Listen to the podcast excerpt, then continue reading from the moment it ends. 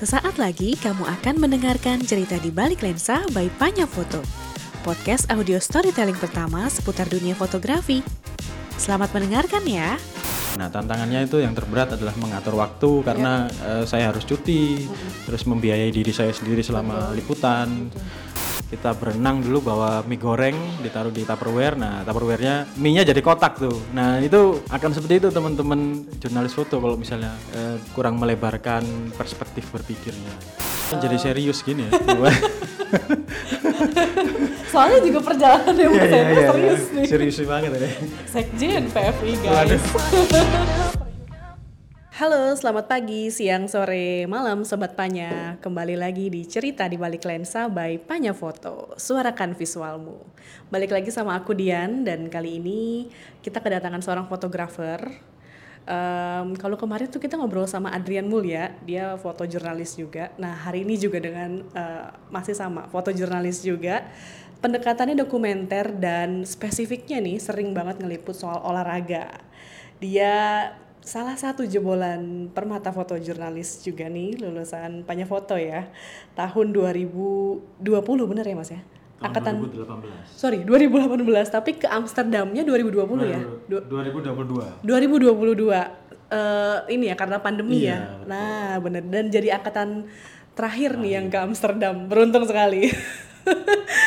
Beliau ini juga baru aja mendapatkan penghargaan nih sobat Panya dari Pictures of the Years untuk karya foto tentang sex worker ya Mas ya di Betul, Belanda ya. Betul. Nah, ini tapi, tapi sebelum kita ngobrolin prestasi yang aku capek banget kalau ngeliat websitenya banyak banget berderet penghargaannya kita mau ngobrolin eh, personal life dan background story-nya dulu nih. Halo apa kabar Mas Hendra Eka Halo Mbak Dian, halo Sobat Panya. Hai. Akhirnya bisa nimbrung di podcast yang cukup fenomenal ini. asik. Sayang nih nggak ada Nando ya. Biasa sepaket sama Nando tapi dia sibuk banget di Malang nih sekarang Mas. Iya, sibuk dia jalan-jalan terus. jalan-jalan terus dengan sepak eh oh, basket sorry Iya. Oke Mas Hendra em, dengar-dengar juga katanya mau nerbitin buku ya? Iya, mudah-mudahan eh, bisa segera terbit. Ini jadi Oh. project yang saya kerjain di eh, Belanda kemarin. Itu eh, rencananya akan dibuat jadi sebuah buku gitu. oh oke kurang lebih kayak Mbak Ocha ya dari PPG terus Betul Exile sekali, dibikin mirip. buku Iya, Ah, Ocha juga oke. idola saya itu. Wah luar biasa nih, sama-sama idola. Pernah aku wawancarain bangga banget nih. Mbak Uca juga akan tayang nanti episodenya. Oke, tapi sebelum ngomongin eh, perjalanan karir dan lain-lain nih, eh, Mas Eka. Ah aku bilangnya Mas Eka. Boleh, Eka, bebas. Bebas ya. Mas Eka, kita boleh flashback dulu nih Mas. Pertama kali eh, perjumpaan atau kecintaan eh, Mas Eka terhadap fotografi dan dunia visual itu kapan sih? Eh, Oke, jadi sebenarnya ini nggak sengaja sekali kecemplung di dunia fotografi itu. Jadi dulu waktu eh, mau kuliah, mau lulus itu ada semacam poin non akademik yang harus dipenuhi supaya bisa lulus. Nah, kebetulan aku jarang ikut eh, kegiatan non akademik di kampus karena waktu itu sudah harus eh, kerja. Waktu itu kerja jadi surveyor. Soalnya kalau nggak kerja nggak bisa kuliah, jadi bayar sen- kuliah sendiri. Jadi eh, kita, eh aku bekerja sebagai surveyor, eh, akhirnya melupakan sisi-sisi non akademik. Nah akhirnya eh, cari tahu ke kampus, ke teman-teman juga. Eh, Kira-kira apa yang menarik gitu. Sempat gabung di eh, pecinta alam, tapi eh, lebih banyak jalan-jalannya, tapi poinnya nggak ada. Nah. Jadi ya, wah yang menarik apa nih? Nah kebetulan ada teman deket di, karena aku dulu di Fakultas Teknik banyak teman-teman yang eh, ikut eh, fotografi, UKM fotografi dan desain grafis waktu itu namanya.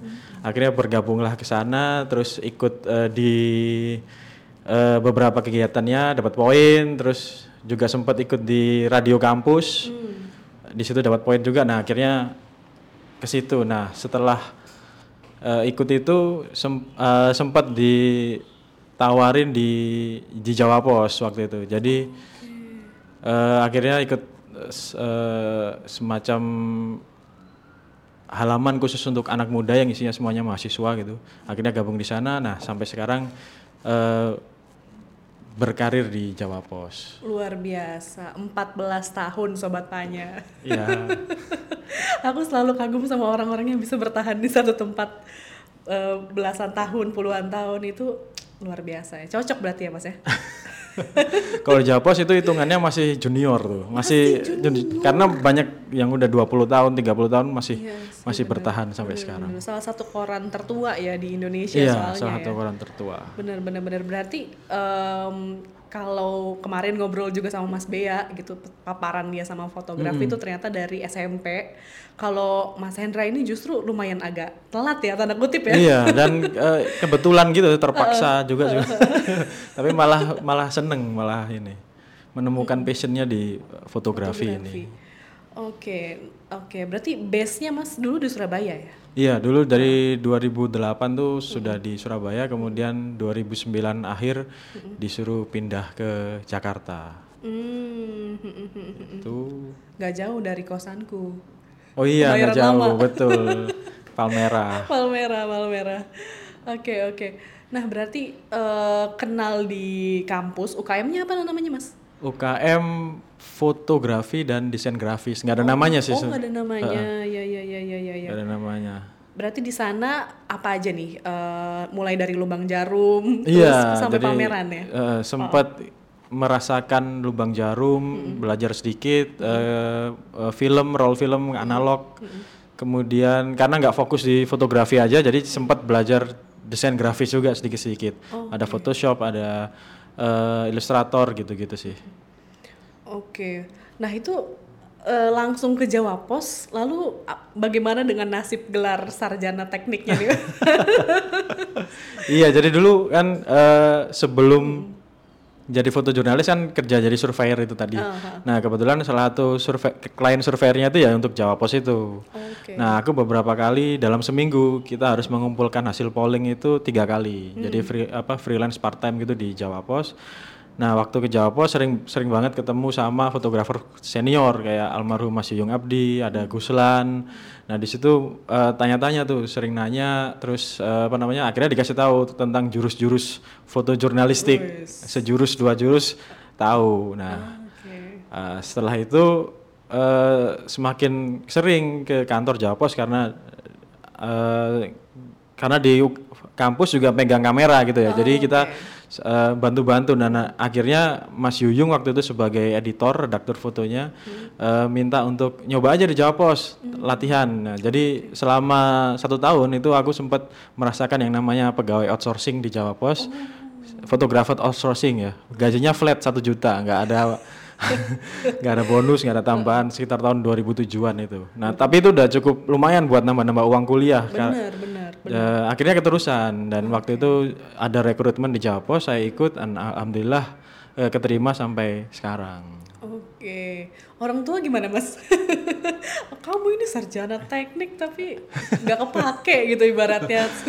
Ya, alhamdulillah kalau orang tua saya tuh sangat suportif ya. Terus Oke, mereka mendukung juga apa pun itu eh, pilihannya dan kebetulan di Jawa Pos di Jawa Timur Jawa Pos itu cukup eh, terkenal. Jadi Banget, banget. sedikit banyak itu Bangga ya? cukup membanggakan orang tua Iya, saya. iya. Bener, bener, bener, bener, bener. Jawa Pos di sana paling ini pusatnya ya mas ya? Iya, pusatnya di Surabaya. Pusatnya di Surabaya. Oke, oke, oke.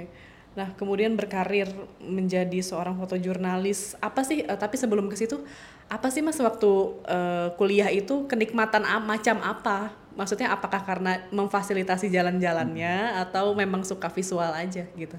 Iya, eh, sebenarnya nggak ada keterikatan langsung antara kenikmatan memotret dan kampus gitu. Jadi memang dua hal yang sangat berbeda ya, bagaikan dua sisi mata pedang. Jadi nggak bisa nggak akan bisa ketemu itu. Eh, cuma kalau di di jurnalistik ya, f- liputan gitu, eh, saya jadi bisa banyak ketemu orang. Oke. Nah, itu banyak dapat ilmu, dapat eh, networking. Nah, di situ eh, oh iya ya ternyata eh, meliput peristiwa atau meliput eh, feature itu bisa banyak bermanfaat buat saya pribadi. Pernah nih suatu ketika saya mem- eh, waktu itu motret ujian akhir sekolahnya eh, anak SD. Nah, di situ saya motret eh, beberapa foto, kemudian ada satu anak tuh yang menarik perhatian saya. Akhirnya uh, saya memotret itu beberapa beberapa kali menghasilkan beberapa frame dan kemudian besoknya tayang di Jawa Pos di uh, apa namanya HL di halaman depan itu ada seri empat foto dari si anak ini mm. dan kemudian uh, orang tuanya nyari tahu ke Jawa Pos siapa sih yang motret nah uh, dikasih tahu oh, itu Hendra yang motret. Nah, akhirnya dia kontak saya dan ngomong terima kasih, fotonya bagus sekali. Nah, itu suatu apa namanya uh, komplimen yang wow, ini cukup ini ya, seneng banget bisa bermanfaat buat orang lain gitu. Berdampak ya iya, berarti ya. Jadi okay. seneng juga akhirnya. Oke, okay, berarti lengkap paket lengkap ya jadi wartawan tuh asiknya ya memang pasti setiap hari kita liputan ke tempat Betul. baru atau kalau nggak ke tempat baru pasti orang baru terus uh, apa ya learning by doing juga ya Betul dari sekali. banyak orang ya ketemu orang-orang eh, yang hmm. lebih apa pinter hmm. yang lebih apa bisa sharing ilmu gitu hmm. kita mencuri sejurus dua jurus dari orang yang kita ketemu itu lumayan lah bener bener bener bener bener Oke, kemudian uh, apa dari sensasi tadi tuh ya yang menyenangkan ternyata apa ekstrovert nih ini Mas Hendra ekstrovert nggak? Biasanya itu ekstrovert tuh yang seneng-seneng dapat energi dari banyak orang tuh. Waduh. Oke, kemudian lanjut di Jawa Pos. Waktu itu desnya apa mas? Waktu itu pertama kali di Metro. Jadi Pasti Metro ya iya, kalau anak baru ya. Liputannya di jalan-jalanan, uh -uh. keliling kota, nggak mm -hmm. ada jam kerjanya, yeah. bisa pagi banget sampai malam banget bisa. Mm. Bisa sehari pernah waktu itu 13 liputan. Waduh. Apa itu kok bisa sebanyak itu? Dari subuh sampai deadline malam jam 10 malam. Apa pernah. peristiwa apa tuh, Mas? Uh, jadi waktu itu Japos ini kan uh, terbit terus ya, yeah. walaupun itu Lebaran. Yeah. Nah, jadi waktu Lebaran itu uh, ada fotografer piket. Mm. Nah, hmm. kebetulan karena anak baru, jadi saya disuruh piket yeah. Ya. uh, di hari H Lebaran. Mm. Jadi uh, mulai ngambil sholat id Mm. Jam 5 pagi udah standby mm. uh, sampai jam 10 malam itu masih ada peringatan-peringatan keagamaan gitu mm. di. Surabaya. Jadi oh, okay. selama satu hari itu benar-benar uh, jalan-jalan keliling kota Surabaya dan ngambil kurang lebih 13 liputan kalau saya nggak salah. Aduh, aduh, aduh, aduh, aduh. Tapi waktu itu masih semangat. Masih semangat. Masih kalau sekarang? kalau sekarang fotografernya udah banyak. Udah banyak. Udah cukup banyak jadi pembagian tugasnya juga sudah cukup merata gitu. Nah di Metro itu berapa tahun tuh mas? Di Metro satu tahun setengah. Satu tahun setengah. Kemudian dari Metro ke Des apa lagi nih? Kemudian waktu itu uh, sempat di olahraga setengah tahun olahraga sebelum setengah. pindah ke Jakarta. Mm-hmm. Terus uh, eh, 2009 pindah ke Jakarta itu di Des Nasional. Oke. Okay. Selama satu tahunan lah kira-kira. Dari berbagai Des itu apa sih yang paling paling attach nih sama Mas Hendra? Uh, karena aku sendiri suka dengan olahraga ya, hmm. suka sepak bola waktu oh, itu ya. Okay. Penggemar berat Persebaya. Waduh, Jadi bonek ya. Bonek. Jadi kalau motret olahraga itu uh, seneng waktu itu, seneng apalagi motret sepak bola. Uh, jadi waktu itu tahun selama satu tahun di Jakarta motret Metro nasional akhirnya dipindah ke des olahraga dan itu cukup lama. Hmm. sekitar hampir lima tahun waktu Waduh. itu hampir lima tahun di des olahraga. Nah itu banyak banget pengalaman pengalaman motret terutama di apa namanya di seluruh kota di Indonesia mungkin ya. Hmm. motret-motret sepak bola gitu juga. Itu katanya memang ada background keluarga nih. Iya. Nah itu gimana tuh mas jadi memang uh, ayahku itu suka dengan olahraga juga. Okay. Dulu dia adalah pembalap motor cross. Waduh. Tapi tarkam gitu sih, oh, bukan iya, pro, iya. Uh, amatir. Iya, iya. Uh, jadi itu sedikit banyak uh, apa namanya uh, menginfluence hmm. uh, suka olahraga jadinya. Terus ada di meja pingpong, ada hmm. meja biliar di rumah. Hmm. Jadi peralatan olahraga itu cukup lumayan lengkap lah. Oke, okay, oke. Okay. Berarti di sekolah pun juga seneng pelajaran olahraga tuh mas? Iya, oh, nah okay. itu juga. Paling enak pas pelajaran olahraga. Bener sih. gak butuh teori, iya, gak butuh main makan. aja. Dan stereotyping guru olahraga tuh rata-rata asik ya. Asik, gurunya boles asik. gitu ya. Boleh nyontek. Kalau yang awas guru olahraga santai. Iya iya iya iya. Ini pengalaman Mas Eka tuh banyak banget ya sobat panjang liput uh, olahraga dari berbagai uh, di kota di Indonesia bahkan di dunia ya Mas ya uh, basket juga ya. Dulu. Wah ini udah ke mana-mana nih. Itu memang diutus sama Jawa Pos karena terlihat Mas Hendra passion di situ atau Mas Hendra yang request sih kalau kayak gitu? Eh, kalau dulu waktu masih awal-awal di Jawa Pos itu semuanya by assignment ditugaskan di eh, Jawa Pos. Waktu itu dulu tahun 2012 mak- saya di Jawa Pos masih sekitar tiga tahunan. Nah, ini menjelang empat tahun, ah, alhamdulillah udah disuruh eh, kasih tugas yang cukup eh, spektakuler ya. Jadi waktu itu memotret Piala Eropa 2012 di eh, Polandia sama Ukraina. Jadi satu bulan merasakan atmosfernya Piala Eropa. Wow.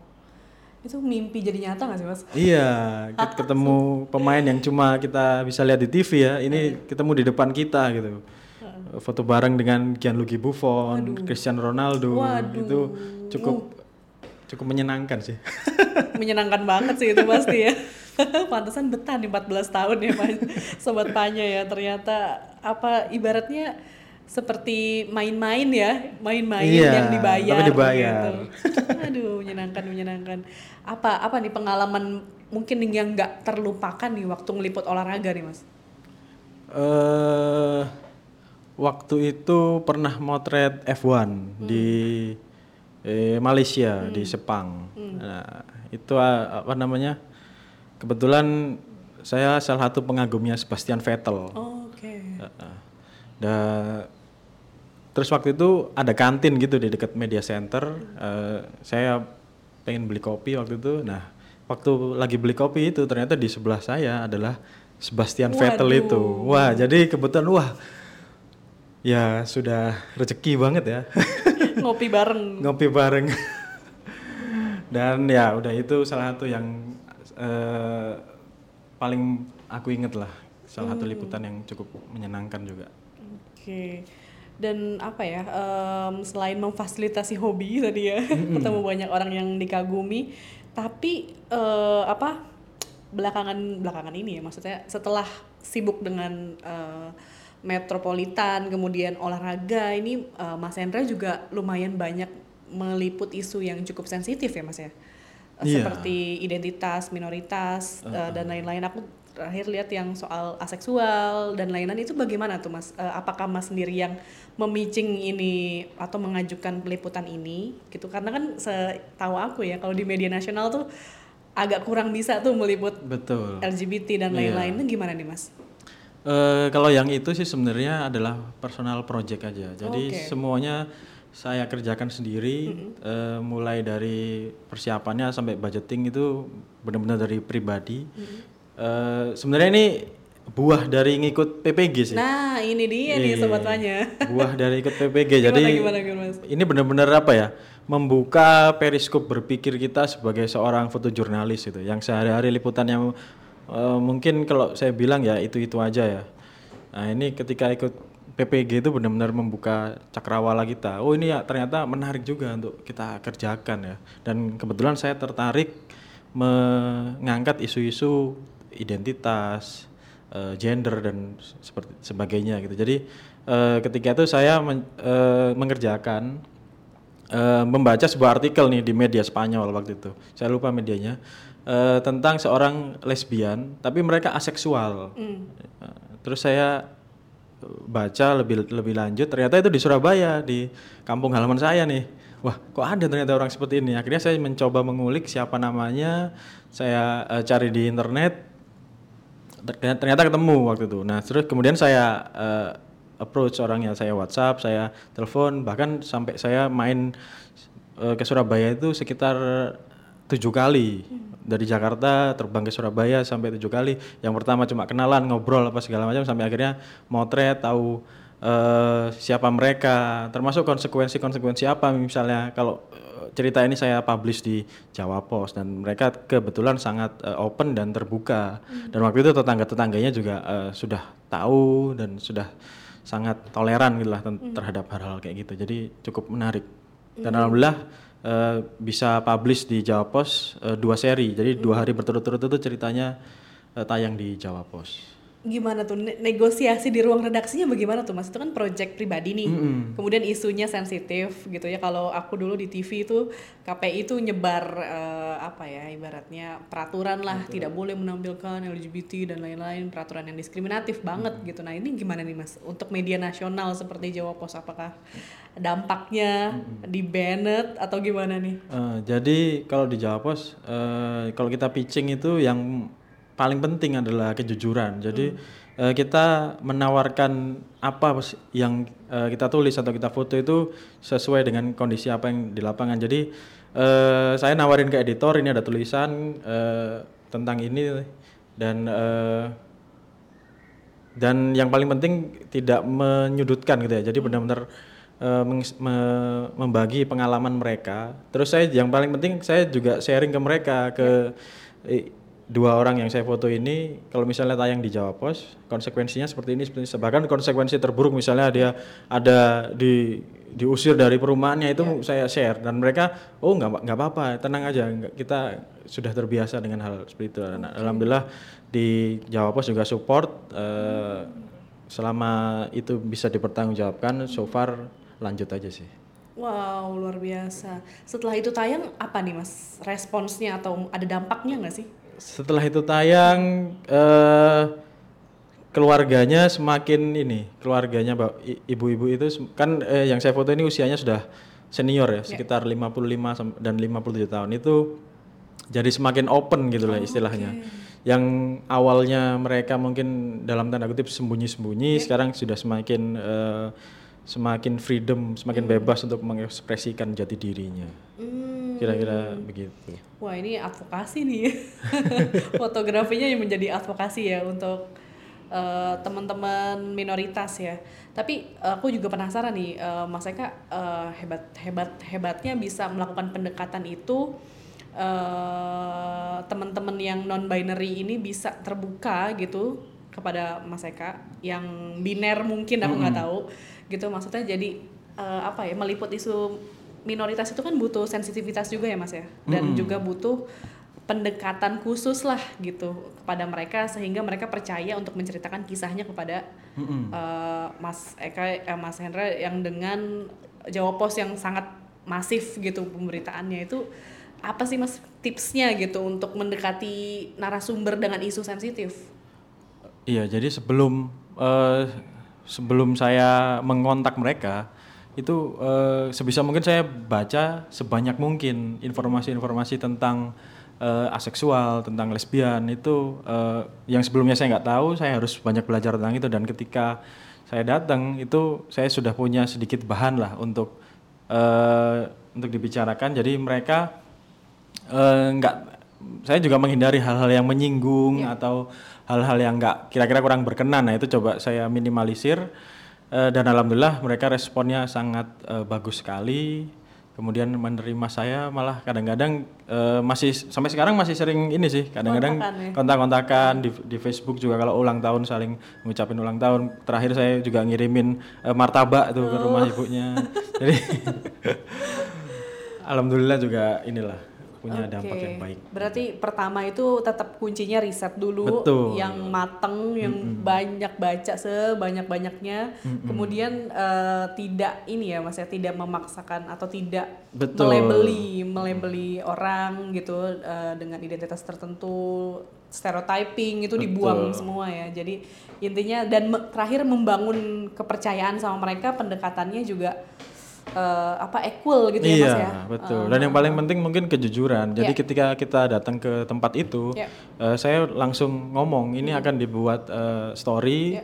akan publish di Jawa Pos. Nah itu penting sekali karena kalau kita nggak jujur, eh, belakang-belakangnya pasti akan nggak bagus. Bener bener bener sampai worst case nya aja ngomongin Iya, tadi ya kalau digerebek gimana nah, dan itu lain-lain. Betul. Saya ngomong ke, ke, ke ibu itu. Jadi kalau misalnya digerebek gimana ibu? Oh nggak mungkin mas, aman lah di sini. Oh ya udah itu yang. Berarti memang eh, kalau eh, apa namanya Mas Hendra sendiri melihat Surabaya itu bagaimana sih Mas?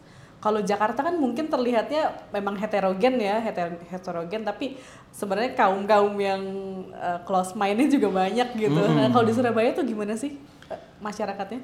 eh sama sih hampir mirip lah Hmm, eh, seperti di Jakarta jadi eh, heterogen juga jadi Hmm. nggak ada istilah apa namanya sekat menyekat itu mungkin Hmm. masih ada tapi eh, sekat itu sedik- eh, sedikit banyak sudah mulai menipis dan eh, saya berharapnya sih bisa hilang Ya. karena Surabaya kan salah satu kota terbesar dan apa ya jadi jujukan banyak orang juga gitu. Hmm, hmm, hmm, hmm, hmm, hmm.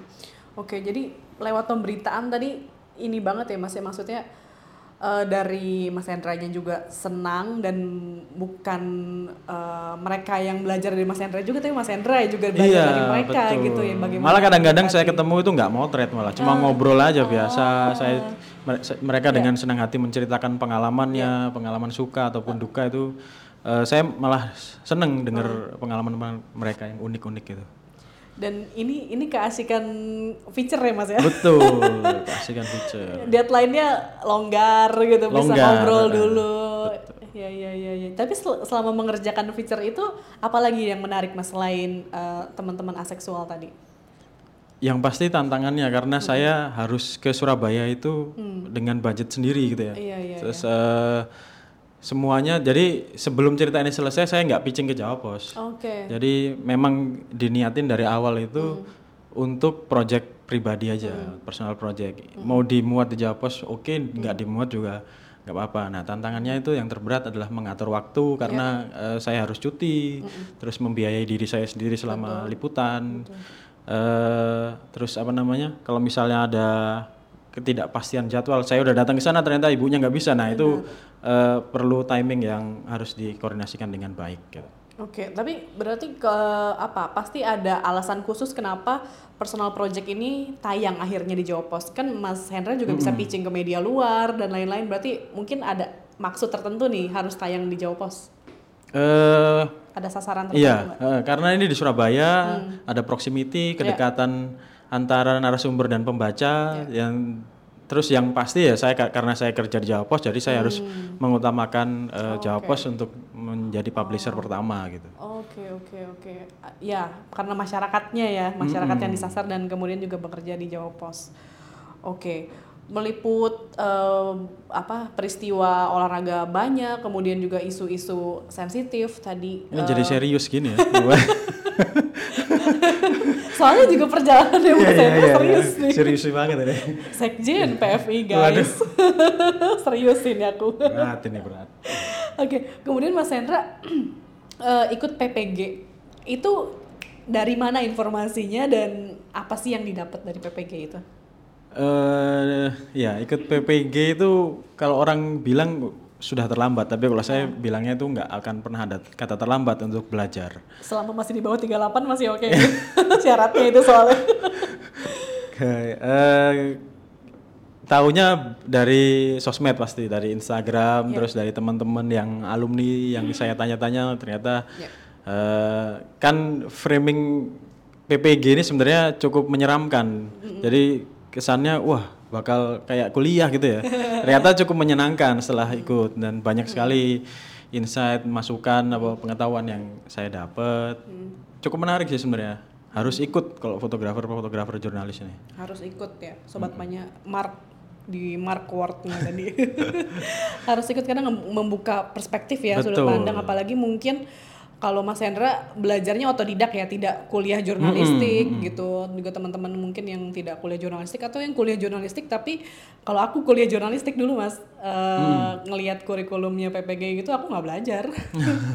Maksudnya belajarnya dulu dunia jurusan jurnalistik itu teknis banget Mm-mm. kayak misalnya menulis feature gitu terus eh, teknik wawancara pengambilan gambar dan lain-lain tapi kalau menurutku PPG ini justru yang diasah tuh berpikir kritisnya bukan Betul. teknis-teknisnya itu disingkirkan dulu iya. gitu Iya, itu memang menjadi salah satu eh, apa namanya isu yang cukup mungkin eh, harus harus kita seriusi sih. Jadi akhir-akhir ini teman-teman banyak teman-teman fotojurnalis itu yang sangat-sangat praktis gitu ya Iya. dalam mengerjakan karyanya. Padahal da- ketika sisi-sisi praktis itu dikombinasikan dengan sisi-sisi teo- teoritis itu akan sangat keren gitu. Akan menjadi karya yang sangat bagus. betul mungkin mm, Mas Hendra juga nggak kepikiran kali bikin personal project tentang aseksual kalau nggak ikut PPG ya. Iya, betul. Iya ya karena eh, apa ya banyak sekali menurutku ngopi dulu ngopi.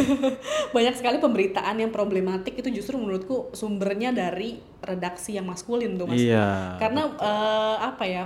Ya pertama memang ignorant mungkin, kedua mungkin mereka juga tidak punya platform untuk belajar gitu mas. Betul. Jadi kayak teman-teman Aji tuh eh, bikin mau bikin kayak apa ya mau merekomendasikan soal SOP anti kekerasan di eh, media, kemudian di redaksi, terus juga eh, banyak pelatihan untuk jurnalis gitu, sejuk juga ada ya. Jadi sih juga ada. pelatihan-pelatihan yang bikin kita itu berpikir lebih open dan setara gitu ya. Karena ruang redaksi tuh maskulin banget ya. Apalagi koran ya mas ya. Koran Iya. gitu parah sekali sih. Gimana nih kalau mas eh, Hendra sendiri melihat eh, apakah em, untuk bisa berpikir inklusif itu ah, ah, adalah upaya personal atau memang ah, si jurnalisnya yang pengen pengen belajar ataukah media masanya juga sebenarnya punya tuh perspektif seperti itu atau pelatihan yang eh, inklusif seperti itu? Kalau saya lihat sih ba- masih banyak di Indonesia ini media-media yang eh, kurang inklusif ya. Jadi memang stereotip eh, perempuan itu distigmatisasi gitulah kira-kira. Eh, banyak contoh kasusnya. Eh, mungkin eh, kalau teman-teman baca di media-media online mungkin eh, ada wartawan yang wartawati yang eh, dilecehkan secara verbal, eh, kemudian apa namanya ketika rekrutmen itu ditanyain eh, kapan mau menikah, betul betul sekali. Terus eh, sudah menikah apa belum lah itu, Eh, jadi nanti mau hamil kapan, nah, itu. Nah, betul. Itu menjadi pertanyaan yang menurut saya apa ya semacam piti gitu nggak nggak penting gitu kan. Iya. Nah tapi itu masih banyak, ter- masih banyak sekali terjadi di media-media kita. Ketika saya eh, sharing sama beberapa editor itu salah satu hal yang mereka hindari adalah mempe- memperkerjakan teman-teman perempuan yang berencana menikah dalam waktu dekat gitu kira-kira. Itu kan wah itu stereotip yang harus diubah benar-benar. Gi- Gitu sih kira-kira. Ya aku tuh punya pengalaman mas Mau waktu itu umur masih umur di bawah 25 gitu Mau apply ke salah satu koran terbesar di Indonesia Oke. lah gitu Kayaknya saya tahu itu perannya. Inisialnya R, inisial Iya iya oke oke. Terus aku harus menuliskan personal statement Aku rencananya mau ngapain Dan eh, menikah atau enggak Iya. Mau punya anak atau enggak Alasannya apa Intinya panjang. Dan itu hanya untuk perempuan gitu. Betul. Wah itu menyakitkan banget sih mas. Iya betul. Udah nulis panjang-panjang juga nggak keterima juga sih ujung-ujungnya. Dan untungnya nggak keterima di media yang seperti itu ya. Nggak kebayang. Soalnya memang eh, jurnalistik ini a- harusnya ya itu menurutku datang dari passion dirinya sendiri. Dan kita kan nggak tahu ya eh, kapan kita punya passion menulis, kapan kita punya passion untuk memotret bisa aja itu datang ketika kita sudah menik sudah menikah atau misalnya kita sudah senior umur 40 tahun ke atas itu misalnya. Dan ketika itu datang ad- ada lowongan-lowongan yang membatasi kita untuk eksplor diri kita padahal kita sangat seneng dengan hal itu. Nah, itu sih. Betul betul betul. Tapi untungnya sekarang di media eh, di zaman sekarang udah ada citizen journalism ya mas ya punya fasilitas itu. Iya, sudah banyak sedikit juga. banyak gitu terfasilitasi. Tapi memang perempuan tuh sangat parah. Eh, kalau mas di PFI aku di sindikasi. Oke. Serikat Pekerja Media dan Industri Kreatif.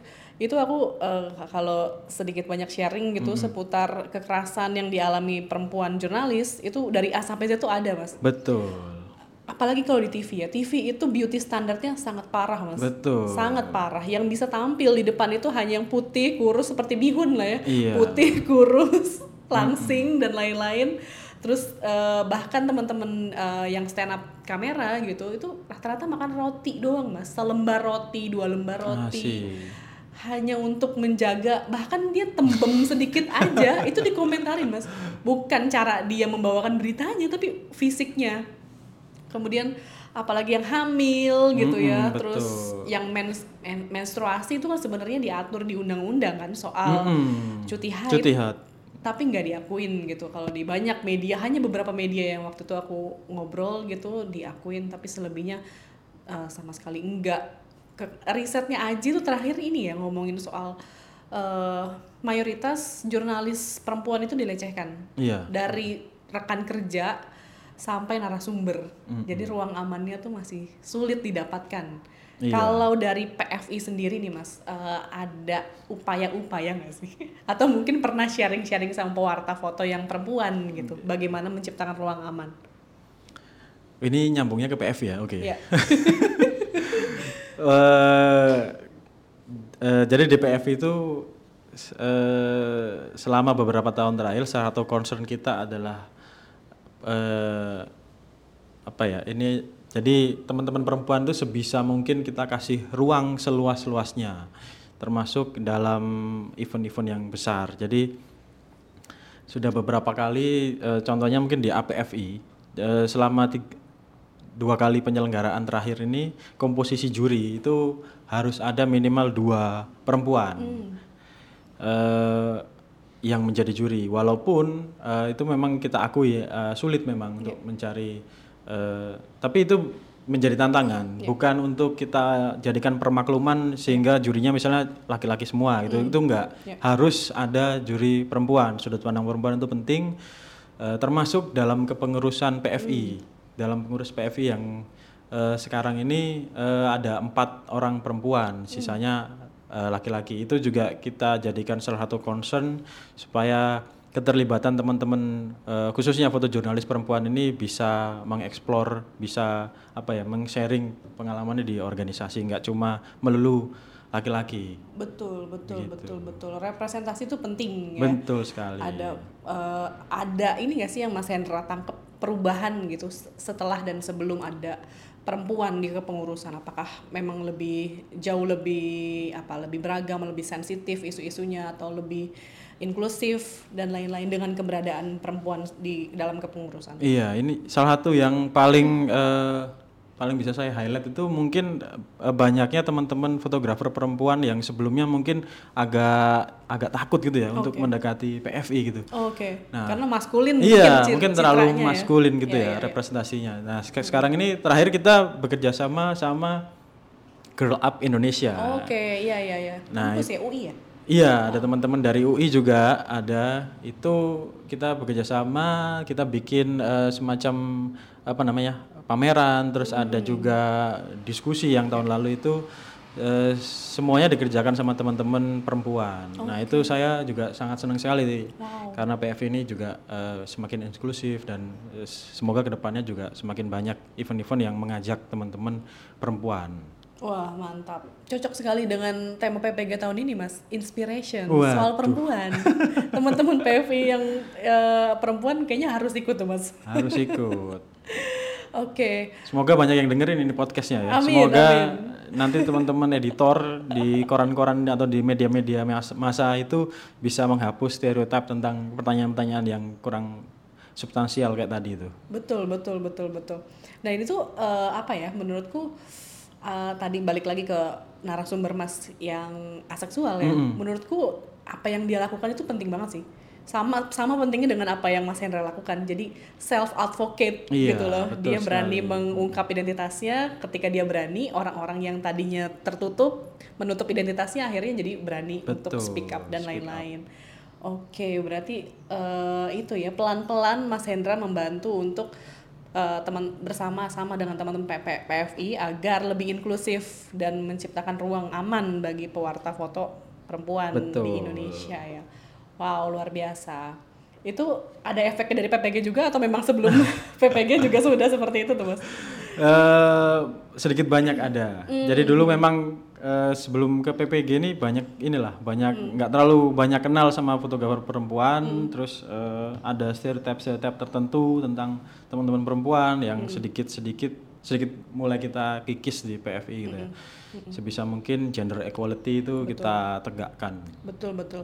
Itu aku relate juga sama salah satu penelitian temen aku. Iya. Jadi dulu ya udah kita sebut aja lah pos kota gitu. Oke. pos kota lampu hijau dulu lampu merah itu kan pemberitaannya astagfirullah banget gitu ya, sangat seksis sekali gitu. Seksis. Tapi kemudian eh, a- akhirnya banyak aduan dari masyarakat gitu. Eh, kemudian eh, Dewan Pers akhirnya eh, bikin pelatihan. Oke. Dewan Pers itu salah satunya dosen aku dulu di ISIP bikin pelatihan gender di sana dan outputnya ternyata lebih baik mas. Oke. Jadi pemberitaannya tidak sekuning itu, tidak Iya. sejurnalisme kuning itu. Jadi menurutku pentingnya eh, apa ya yang dilakukan Mas Hendra itu eh, mungkin dari eh, bawah ke atas gitu ya, Mas Hendra sebagai pewarta foto kemudian ke redaksi menyarankan agar berita yang lebih inklusif seperti ini atau ngomongin minoritas. Tapi dari redaksi ke bawah juga menurutku penting ya. Iya. Dari top down itu kebijakan redaksinya harus juga inklusif biar sama-sama mensupport lah ya. Betul. Oke oke, wow mantap, serius beneran nih kita. iya ini. Waduh. Oke oke. Eh, kemudian eh, kita ngomongin ini deh mas, Eh, di luar fotografi nih agar lebih rileks sedikit. Apa sih kegiatannya mas Hendra? Eh kebetulan sekarang ini masih serius juga, jadi nggak relax. Jadi lagi kembali ke kampus, belajar lagi, kuliah. Eh, tinggal satu semester lagi selesai. Oh aku pikir udah lulus. Ini ya yang komunikasi politik ya mas? ya? Betul. Kompol. Banyak itu wartawan banyak di situ mas aku tahu. iya. So dua tiga empat lima temanku ada di situ. Ngambil kompol. Kenapa nih alasannya mas? Eh ngambil kompol. Sebenarnya alasan utamanya itu pengen lebih mendalami tentang jurnalismenya, Oke. tentang bagaimana eh, teori-teori komunikasi yang relevan sama jurnalistik. Karena di S1 aku ngambil teknik, Ya. eh, banyak yang nggak pakai, ya mungkin hampir 99% nggak kepake di eh, pekerjaanku sekarang. Jadi pengen lebih mendalami eh, bagaimana komunikasi, jurnalisme itu secara umum. Terus kenapa politik? Karena sehari-hari sekarang eh, aku di des politik gitu. Oke. Jadi sedikit banyak juga terbantu sama teman-teman yang eh, liputan sama narasumber-narasumber yang ketemu gitu. Bagi waktunya gimana nih mas? Nah. Jadi PFI juga, S2 juga, kemudian juga fotografer full time di Jawa Pos dan punya banyak apa ya? Punya Nggak- banyak nggak- platform. nggak banyak, ya? nggak banyak. Kayaknya karyanya di mana-mana soalnya bukan di Jawa Pos doang. Eh, jadi memutuskan kuliah itu kan sejak pandemi. Jadi Iya. eh, saya mengambil hikmah dari pandemi ini Online. kuliahnya online. Iya. Nah, selama eh, empat empat hari dalam seminggu itu kuliah malam. Oke. Eh, tapi sekarang udah selesai, tinggal eh, tesis saja. Jadi eh, sudah mulai longgar. Oke, tesisnya tentang apa nih kalau boleh tahu? Tesisnya tentang fotojurnalistik juga. Jadi Fotojurnalistik judulnya itu Photojournalism and eh, Public Policy Oke. dampak fotojurnalisme terhadap eh, kebijakan publik di Indonesia. Wah, boleh Harus ada politik-politiknya dikit. Boleh lah abstraknya ceritain sedikit. Eh ya, jadi mengambil contoh salah satu foto di media massa, kemudian foto itu memiliki dampak sehingga banyak eh, sedikit banyak mengubah kebijakan publik yang sudah ada. Nanti akan saya share lebih detail ketika sudah selesai. Mantap, mantap. Ini spoiler, salah satu spoiler.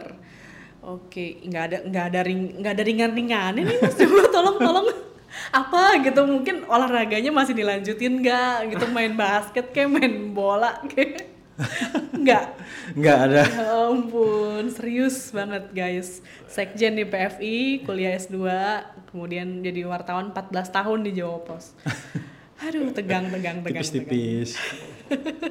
Oke, selain itu yang bikin kita juga penasaran katanya nih eh, Mas Hendra ini akan mengeluarkan buku. Nah, si buku itu juga eh, karyanya Mas Hendra ini terpilih eh, Pictures of the Years ya Mas ya. Itu Ya. di Amerika atau di Belanda ya, sorry? Eh, di Belanda. Oh, eh di di pengerjaannya di Belanda, awardnya dari Amerika. Amerika. Nah, itu gimana boleh diceritain eh, bisa sampai kepilih eh, penghargaan tersebut? Eh, sebenarnya mirip seperti eh, kompetisi pada umumnya. Jadi saya submit Ya. ketika itu eh, foto yang saya ambil tahun 2022 waktu dapat fellowship Erasmus Hoys. Eh, saya submit untuk kategori daily life tahun 2023, awardnya 2023 dan alhamdulillah eh, dapat award of excellent kategori daily life. Wow, gokil. Itulah salah satu benefit. Benefit ikut PPG. Dan Mas Hendra ini beruntung banget karena PPG setelahnya belum ada kerjasama lagi dengan Iya. Erasmus Semoga yang dengar podcast ini nanti eh, eh, bisa meneruskan inilah. Amin. Programnya diadakan lagi gitu. Amin, amin, amin. Mungkin negara lainnya juga bisa ya Mas ya. Boleh banget. Ya ya ya ya. Oke, kemudian uh, kenapa project itu uh, harus nih harus Mas Eka jadikan buku? Itu buku pertama berarti ya? Buku Betul. foto pertama. Buku foto pertama. Jadi dari awal ketika udah sama Mbak Suwanti kita menentukan tanggal keberangkatan wo- yang sempat berganti-ganti sampai mungkin lima kali ya. Berangkat tanggal sekian, oh nggak jadi karena pandemi. Berangkat tanggal sekian nggak jadi karena lockdown, Iya. apa segala macam. Akhirnya kita sepakati. Nah dari awal saya sudah kepengen ini jadi project buku. Gitu. Oke. Jadi memang eh, saya sudah mempersiapkan eh, project ini, ter- risetnya sudah eh, outputnya akan jadi buku, termasuk nanti apa yang akan saya kerjakan selama di Belanda itu eh, apa saja itu sudah eh, kita set up dari Indonesia. Nah ini em, di Belanda itu kan nggak lama ya Mas ya ada durasinya ya? Iya. Seminggu ya atau berapa ya? Eh, kemarin 27 hari. 27 hari. Nah, dalam waktu 27 hari eh, kemudian meliput isu balik lagi di isunya sensitif juga. Iya. Nah, itu pendekatannya seperti apa apalagi dia orang asing nih, Mas. Gimana caranya biar dia bisa terbuka? Jadi awalnya eh, sempat baca artikel di New York Times tentang namanya itu eh, sexual surrogate gitu. Hmm. Jadi orang-orang penyandang disabilitas itu kesulitan untuk mengkomunikasikan masalah seksualnya ke orang lain, termasuk eh, tidak bisa menyalurkan hasratnya gitu. Nah akhirnya se- karena menarik ya, akhirnya saya coba eh, riset itu Ya.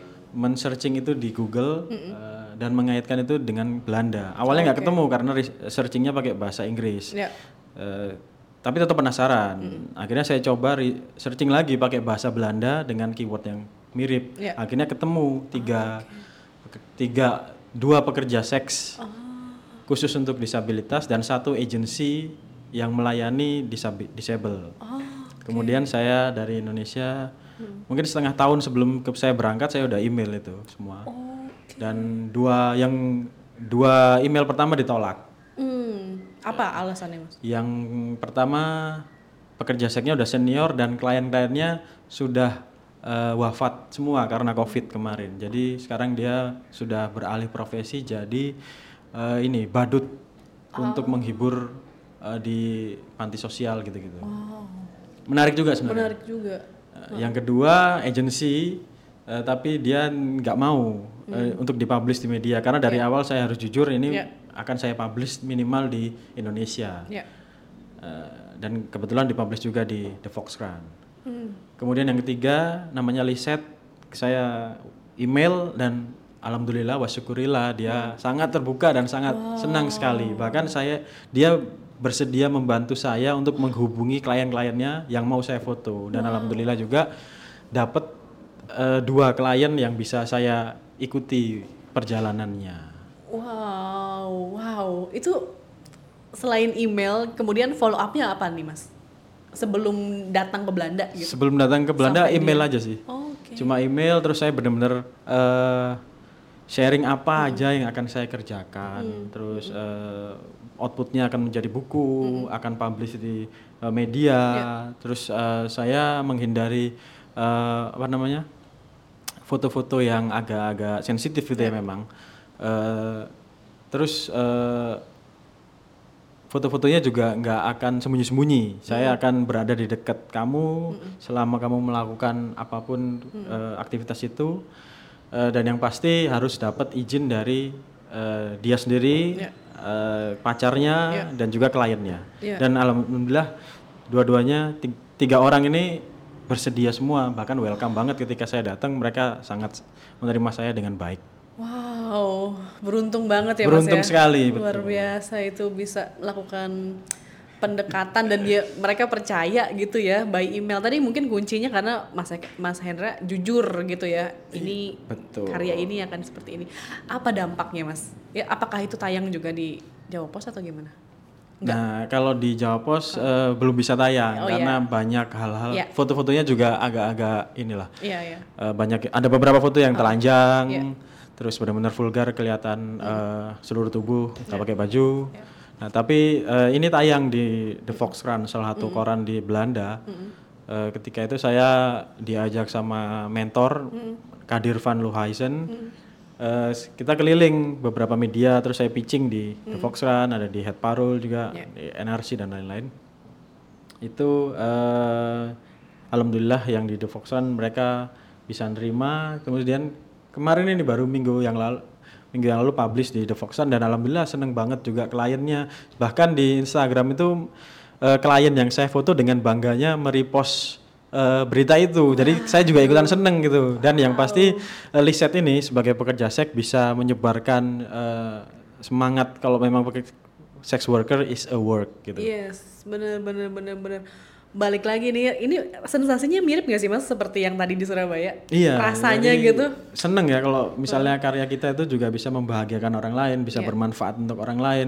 Syukur-syukur bisa berdampak sosial yang luas. Bener bener bener bener bener. Wow gila, ini keren banget sih. Keren Lebay, keren, lebay. keren banget. Kalau Mbak Ocha kan Nah, exile. traktir kopi ya. Waduh asik. Menjilat sedikit ya guys untuk ditraktir. kalau Mbak Ocha kan exile itu jadi buku juga ya. Iya, Nah, Nah itu kalau keren juga dia itu. lebih ke anak eh, orang-orang 65 kan ya. Mm-mm. Eh, waktu itu kalau Mbak Ocha bi- ceritanya kendala bahasa, jadi dia tidak terlalu bisa untuk deketin orang Belanda seperti Hmm. itu. Nah itu kepercayaan diri dalam berkomunikasinya, Mas Hendra tuh gimana sih? Ada trik-trik khusus nggak sih mungkin dari segi kemampuan bahasa atau mungkin eh, hal-hal interpersonal lainnya yang bisa di sharing nih sama sobat banyak sebagai seorang fotojurnalis. Hmm, sebenarnya kalau bahasa juga nggak jago-jago amat ya Hmm. bahasa Inggris. Tapi kit- yang pa- paling penting itu menurut menurutku kita harus berani aja, Hmm. harus berani dan uh, harus menganggap ya semua orang tuh sama gitu Iya. ya. Orang Belanda juga awalnya bahasa Belanda gitu. Iya, benar, Ba- benar. Mereka juga belajar bahasa Betul. Inggris sama kayak kita semua yang di Betul. Indonesia dan nggak semua orang Belanda tuh juga Bisa pandai berbahasa Iya. Inggris dengan baik gitu. Betul, Jadi ya uh, inilah bonek aja berani. Ini nih kuncinya berarti yang bonek. harus eh, berani dan jujur sih yang penting. Bener, bener, bener. Kuncinya tadi ya berarti berani, jujur, ya memang semangat bocah nekatnya itu dibawa lah ke mana pun berada ya. Betul. Iya, iya, iya, iya. Ya. Wah, Itu rencananya kapan nih mas terbit? Rencananya eh, awal Maret ini. Kalau Awal tidak ada arah melintang, mudah-mudahan eh, bisa diselesaikan desainnya sama Tasya Bintang. Kemudian Hmm. eh, dapat bantuan dari Tasya juga untuk mendesain bukunya dari Mbak Swanti. Hmm. Eh, mudah-mudahan awal Maret ini bisa publish. Akan publish di mana mas? Publishnya di Indonesia, tapi kebetulan dapat publishernya dari Belanda. Oh wow. Emot-emot tepuk tangannya boleh sobat, sobat banyak.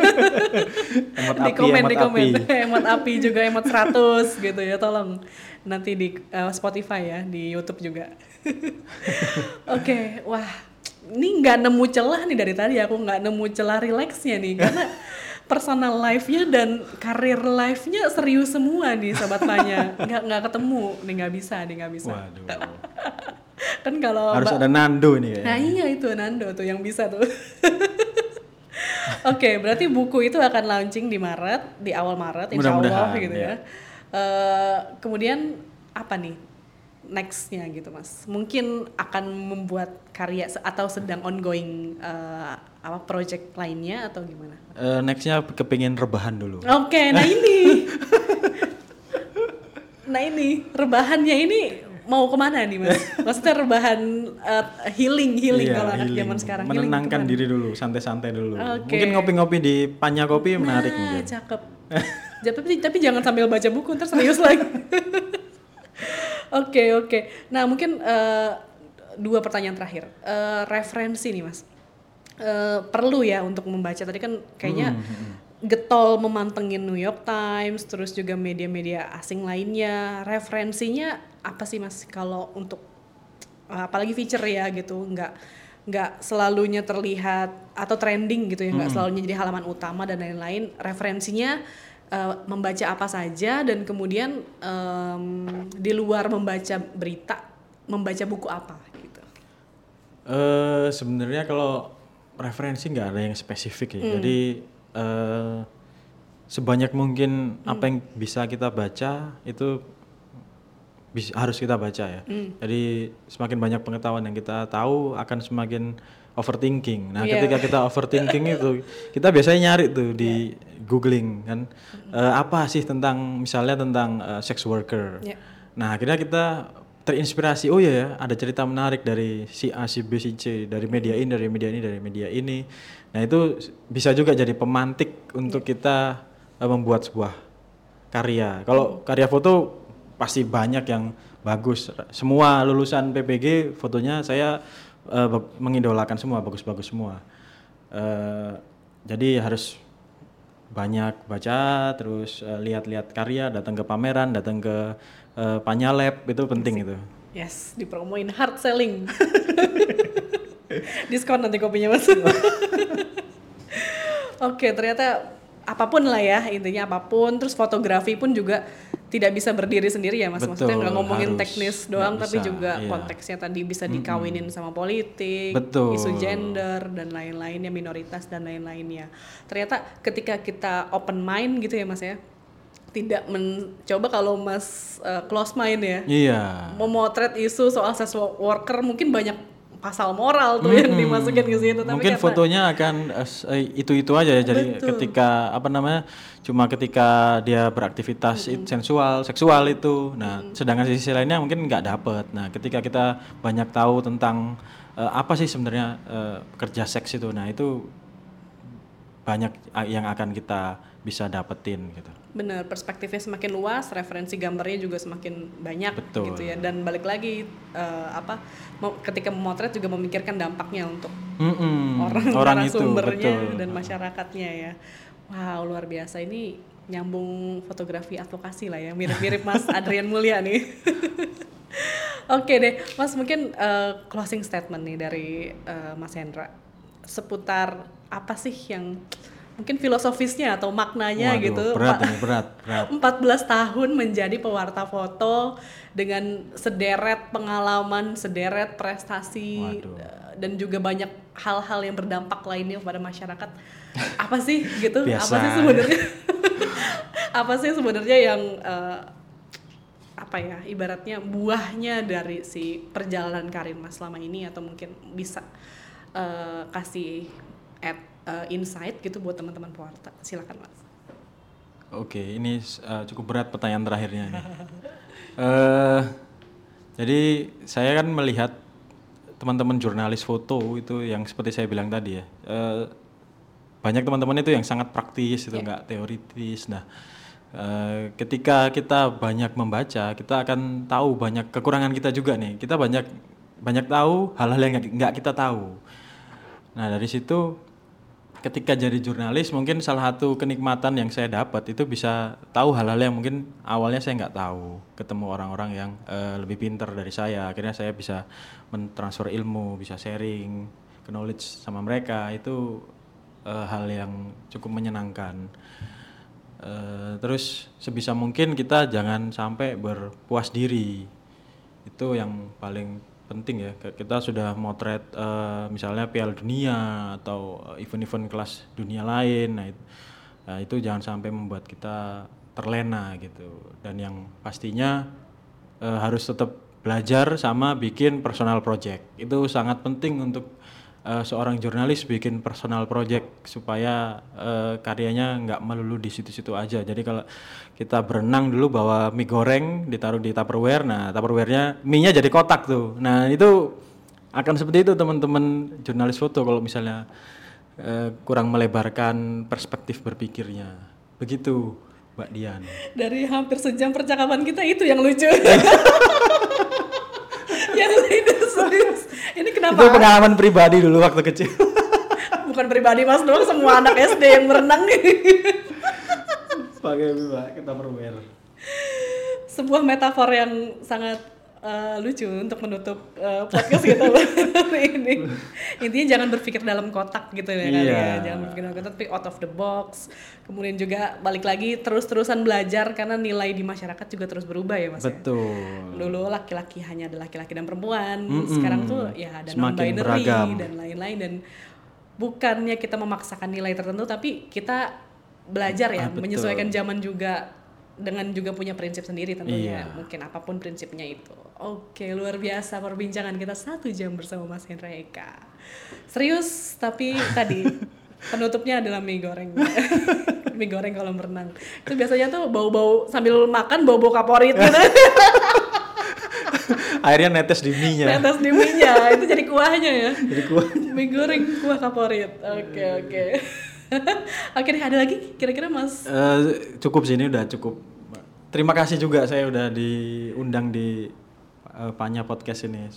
Eh, saya juga menunggu dari teman-teman yang lain supaya lebih banyak yang di-share. Mantap, oke deh. Thank you banget Mas Terima kasih juga. Sobat Panya makasih udah dengerin. Nanti kita balik lagi eh, di episode selanjutnya dengan narasumber fotografer lainnya yang juga eh, akan bercerita beragam isu dan beragam eh, perspektif lainnya. Oke, terus dengerin Panya Podcast. Hai Sobat Panya, terima kasih sudah mendengarkan podcast cerita di balik lensa by Panya Foto. Nantikan terus episode selanjutnya mengudara setiap dua kali dalam sebulan di aplikasi Noise. Tetap berkarya dan jangan lupa suarakan visualmu.